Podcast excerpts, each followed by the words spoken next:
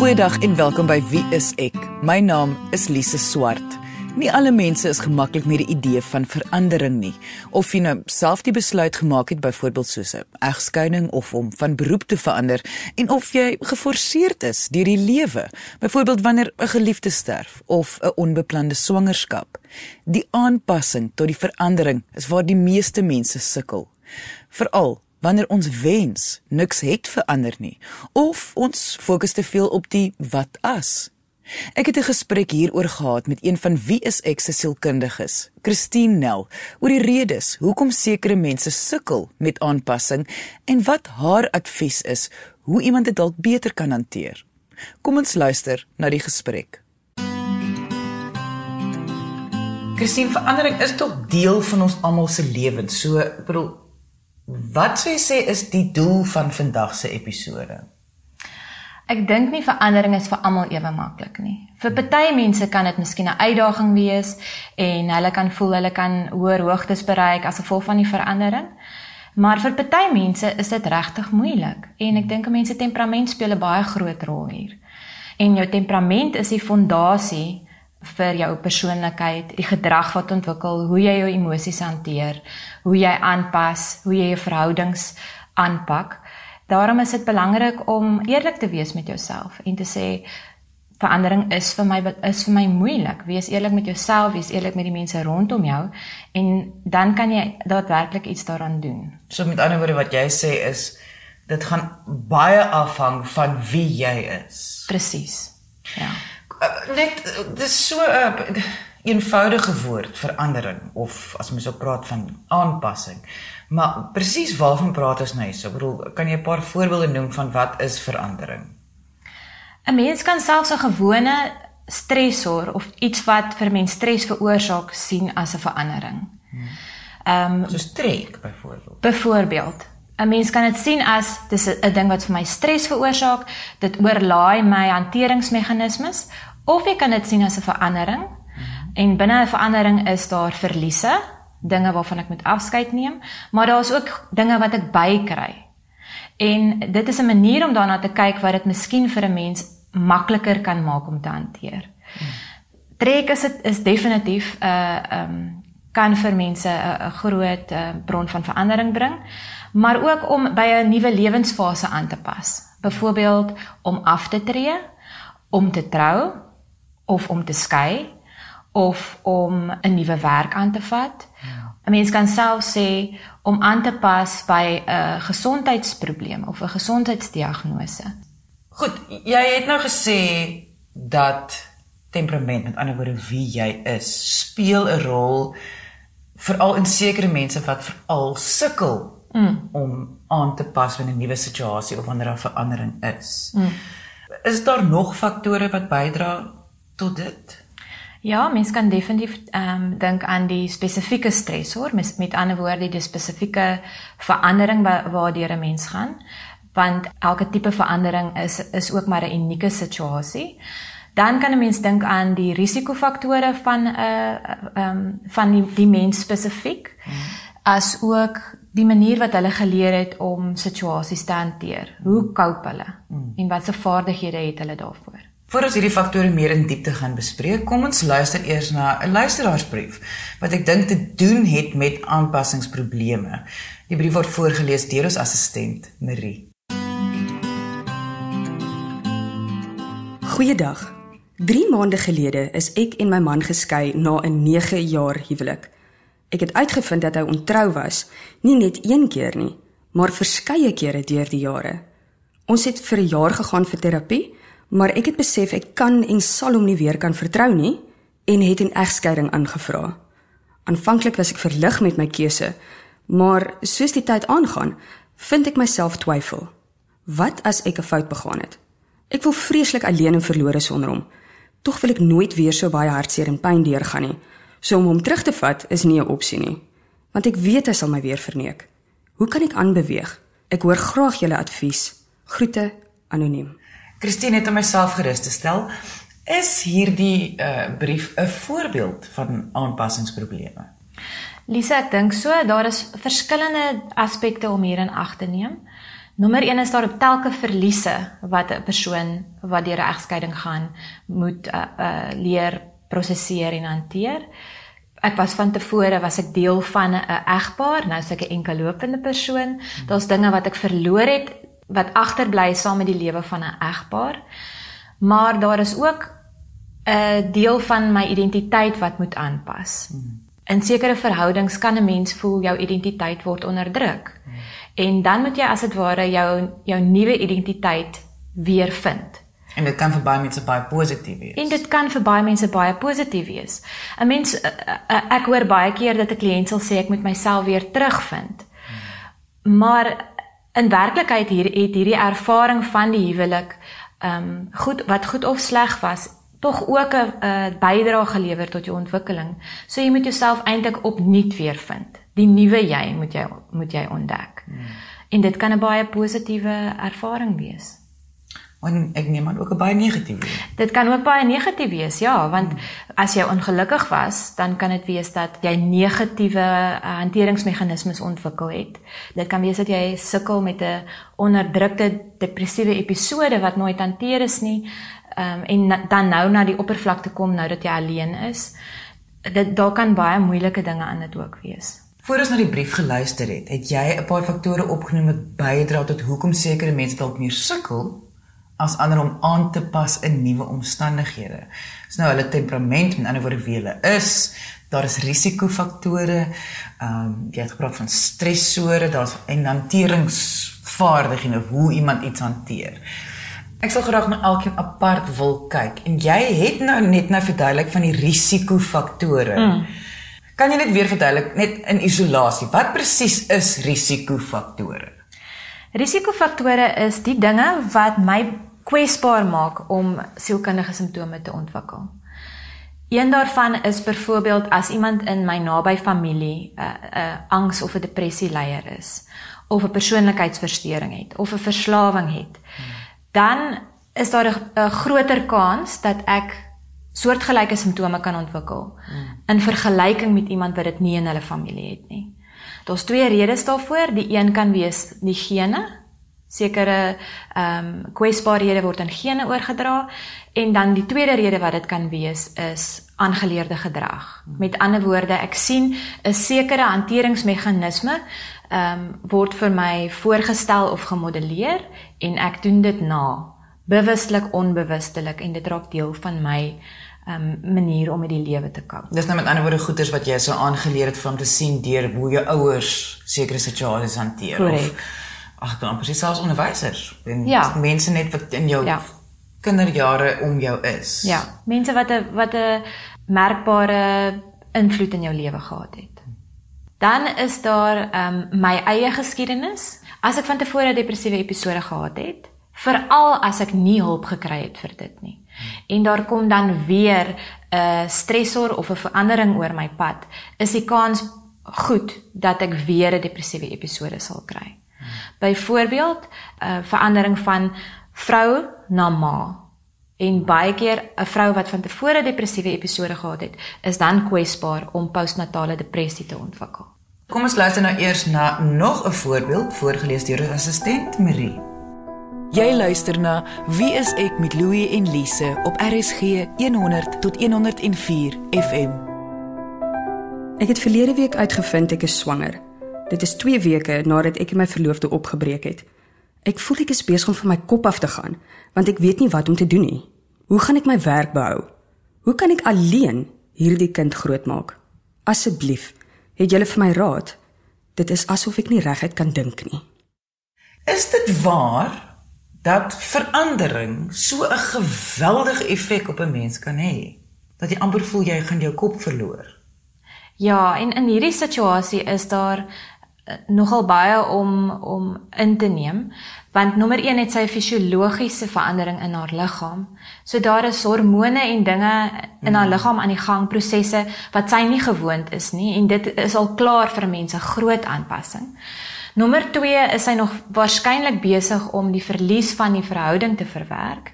En nommer 3 gebeur er nog 'n onverwagte ding in haar lewensverloop waarby sy moet aanpas.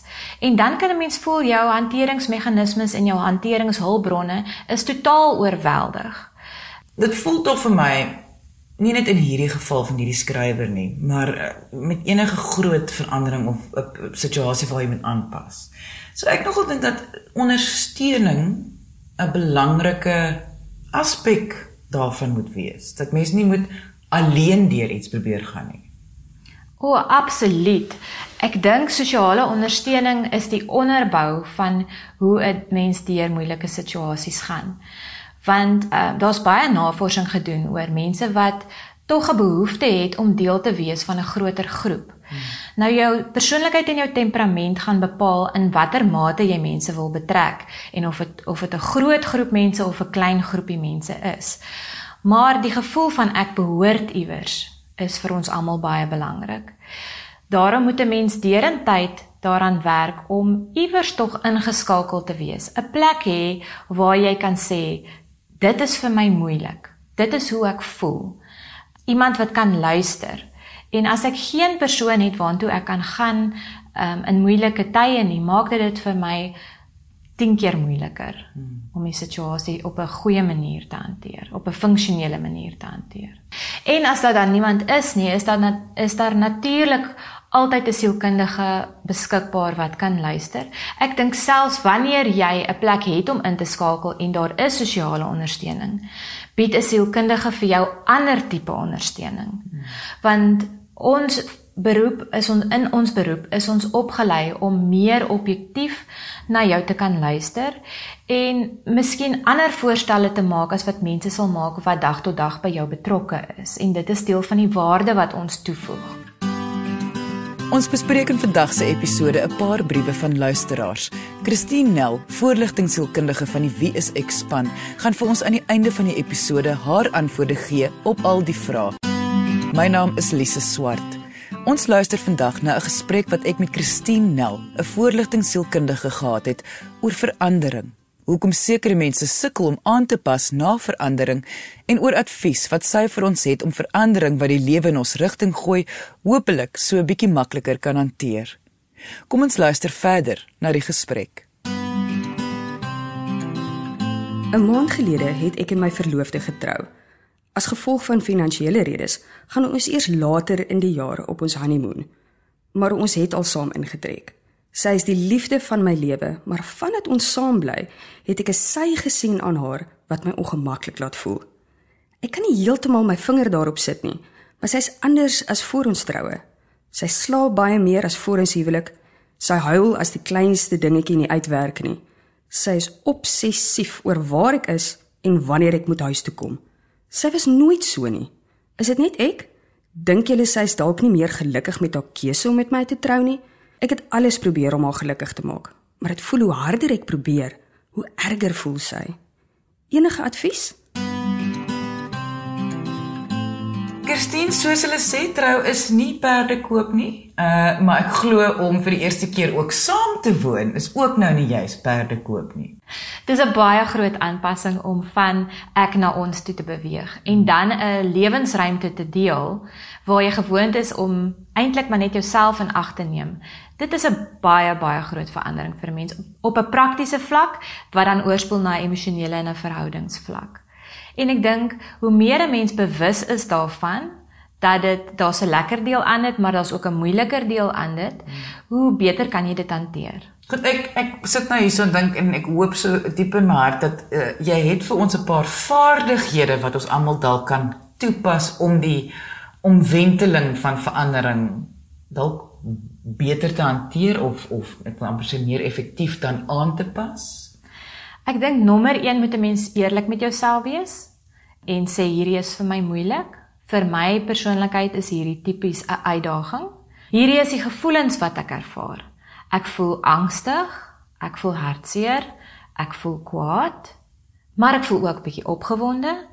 Dat 'n mens half die volle prentjie vir jouself skets. Hmm en eerlik wees oor wat dit vir jou is. En dan die tweede stap sal wees om dit vir iemand te sê. uh jou geliefde of iemand wat na jou kan luister, deel van jou sosiale netwerk. Ehm um, wil jy gou daar stop? Ja. Hoekom is dit belangrik om vir iemand dit te sê? Soos wat jy dit sê, hoor jy ook jouself. En dit help mense om perspektief te kry. Dit help jou om te verwerk wat met in jou binnekamer aan die gang is om dit te verbaliseer. Hmm. Derdens moet 'n mens baie mooi kyk na jou liggaamlike behoeftes. So is belangrik om dan nie wanneer jy deur die verandering gaan, nou maar net te gaan vir die takeaways nie. Kyk dat jy gesond eet, dat jy gebalanseerd eet, dat jy genoeg water drink en maak tyd om te ontspan. Maak tyd om stil te sit en die wêreld om jou in te neem en net 'n bietjie rustig te raak. En dit klink alles soos klisjées, die eet en die slaap en die alles Ja. maar ek sê altyd 'n klisjé is nie vir net 'n klisjé nie. Daar is 'n rede hoekom dit wat oor en oor gesê word. Dit is waar, want die teensy van dit is as ek nie kyk na my fisiese hulpbronne, my geestelike hulpbronne, my emosionele hulpbronne nie, dan gaan ek waarskynlik gryp vir iets wat disfunksioneel is en wat vir my skade doen of my terugsit. So ja, weer eens, dit is 'n klisjé, maar daar is 'n rede daarvoor. Jy luister na Wie is ek met Louie en Lise op RSG 100 tot 104 FM. Ons luister vandag na 'n gesprek wat ek, Lise Swart, met Christine Nel, een van Wie is ek se sielkundiges gehad het oor hoe 'n persoon dalk makliker kan aanpas na verandering. Indien jy nou eers ingeskakel het en graag die volledige episode wil luister, kan jy gaan na rsg.co.za en luister na die pot gooi. Is daar enige tekens dat 'n persoon dalk moet besef professionele hulp is nou eintlik maar die tyd om in te win? Ek dink die rede waarom baie mense wat sukkel met aanpassing heel eerste hulp soek is omdat baie van hulle voel hulle kan nie ophou huil nie. Veral ehm um, jong vrouens wat deur 'n groot verandering gaan, voel die trane loop net en hulle kan dit nie beheer nie. Vir party mense is dit huil, vir party mense is dit hulle raak geïrriteerd en dan ontplof vir alles. So mense voel jy het nie beheer oor jou emosies nie. Dit beteken nie noodwendig jy het 'n diagnose nie. As jy hom vinnig genoeg vang en jy begin gesels en ontlaai, dan kan dit kan 'n mens dit uh, in die kiem smoor voordat dit ontwikkel na uh, na simptome. Hmm. Maar as dit nou 'n tydjie lank aangaan, kan dit begin om jou slaapgewoontes te ont, uh, ontwrig. Byvoorbeeld sukkel om aan die slaap te raak of raak in die nag wakker of raak vroeg wakker. So kry nie my rus in nie.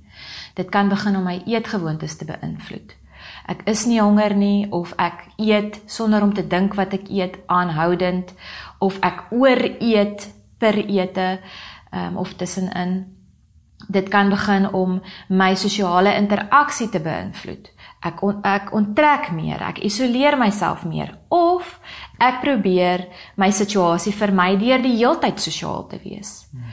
dit is ook nie 'n manier wat ek kan funksioneel aanpas nie Dit kan ook begin om my gevoel oor myself baie negatief te beïnvloed. Ek kan byvoorbeeld dink dat ek is 'n mislukking. Ek kan voel ek is nie goed genoeg nie. Ehm um, en ek kan baie swaarmoedig raak oor dit. Of wanneer jy sien dat dinge wat jy van tevore geniet het, is nie meer vir jou lekker nie. Jy kan nie meer die plesier en die humor in dinge sien en geniet nie. En dit hou ook vir 'n tydjie lank aan, is dit nodig om te ondersoek wat Wat beteken dit? Wat sê dit van my sielkundige welstand op hierdie oomblik? Goed, kom ons moet weer terug na die briewe. Uh wat sou jou antwoord gewees het aan die eerste skrywer wat alleen voel na die egskeiding wat sy gekies het?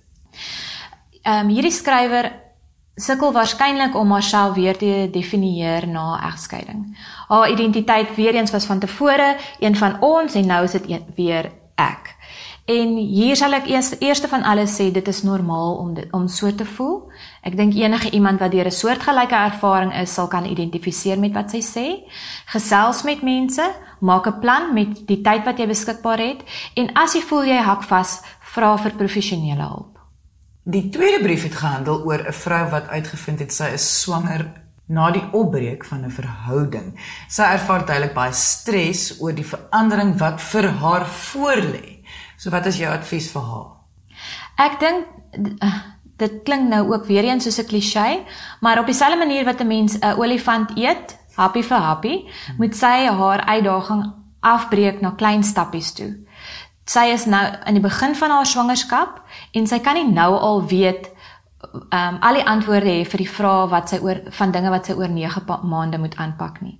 So maak dit in klein stappies, doen wat jy kan doen, stappie vir stappie en kry soveel as moontlik ondersteuning van mense wat onverwaarlik by jou sal staan. Die nuutgetroude paartjie wat nou vir die eerste keer saam woon, klink vir my die vrou ervaar meer probleme met die verandering as wat die skrywer met ander woorde haar man. Of wat dink jy? Lisa, ek dink wat vir my uitstaan is dat die ehm um, die vrou in die brief meer slaap. Ek sal altyd bietjie daar begin karring en uitvind maar wat beteken dit? Is dit 'n simptoom van 'n ding? So ek stem saam met jou, dit klink vir my asof sy baie swaar kry, maar weer eens, hy wonder sonder dit klink asof hulle regtig met mekaar daaroor gepraat het. So ek sal sê die beginpunt is kommunikasie en speel met mekaar oop oop kaarte oor wat jy voel, wat jy verwagtinge is en maak dan saam 'n plan hoe om dit te hanteer. Ek dink die belangrikste ding is om jouself te leer ken. Jy moet uh, jou persoonlikheid en temperament is jou instrument. Dit is die die apparaat wat jy gekry het om in hierdie lewe 'n merk mee te maak. So jy moet leer hoe werk my apparaat? Hoe werk my instrument? Wat is die dinge wat bietjie ekstra versorging nodig het? Wat is die dinge waarmee ek um, sterk is? Waar staan ek uit? Al daardie verskillende dele van myself moet ek leer ken. Dis 'n ontsaglike opwindende reis. Want dit is 'n super spesiale reis waarop elke persoon kan gaan Dit is vir hulle uh, moontlik om hulle self te leer ken en te weet, okay, aanpassing is vir my 'n moeilike ding. Verandering is vir my 'n moeilike ding. Hoe kan ek myself hierdeur navigeer op die beste moontlike manier? Eerder as om te dink, hoekom is ek nie so nie? Hoekom is ek nie sis nie? Hoekom hoekom kan ek nie wees soos Pieter wat dit net in sy straat vat nie? Jy is nou nie so nie. Goed. Maar hoe is jy? Kom ons hê 'n bietjie genade met onsself en aanvaar wat wel daar is en leer om daarmee te werk. Indien jy enige vrae het oor hoe jy dalk makliker kan aanpas in 'n situasie, kan jy vir Christine kontak deur ons webwerf by wieisek.co.za of deur ons Facebookblad onder wieiseksa. Alle besonderhede oor ons sentrum is ook daar beskikbaar. Dankie dat jy vandag ingeskakel het. Ons maak weer so volgende Vrydag 12:30 net hier op RSG. Jy moet 'n heerlike naweek hê en onthou, kyk mooi na jouself.